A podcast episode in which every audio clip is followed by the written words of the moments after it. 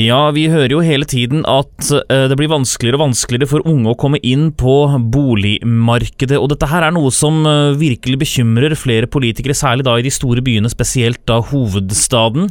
Uh, en ny analyse fra Norsk Eiendomsmeglerforening og Ambita viser en klar trend i boligmarkedet. Det blir stadig flere førstegangskjøpere. Tallene for første kvartal 2019 viser det tredje høyeste tallet for førstegangskjøpere i et første kvartal på ti år.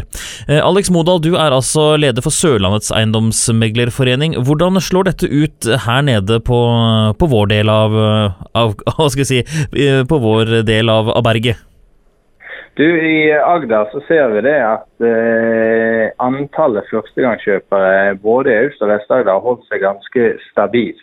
Eh, og få variasjoner på eh, fra 1500 til 1700 og ned igjen. og ja, i det hele tatt. Så, men det er forholdsvis stabilt, og det viser jo en interessant trend eh, vi ser. er jo at eh, Førstegangskjøperne på Agder har muligheten til å kjøpe andre typer boliger enn det de har i pressområdene som de store byene som Oslo, Bergen og Trondheim.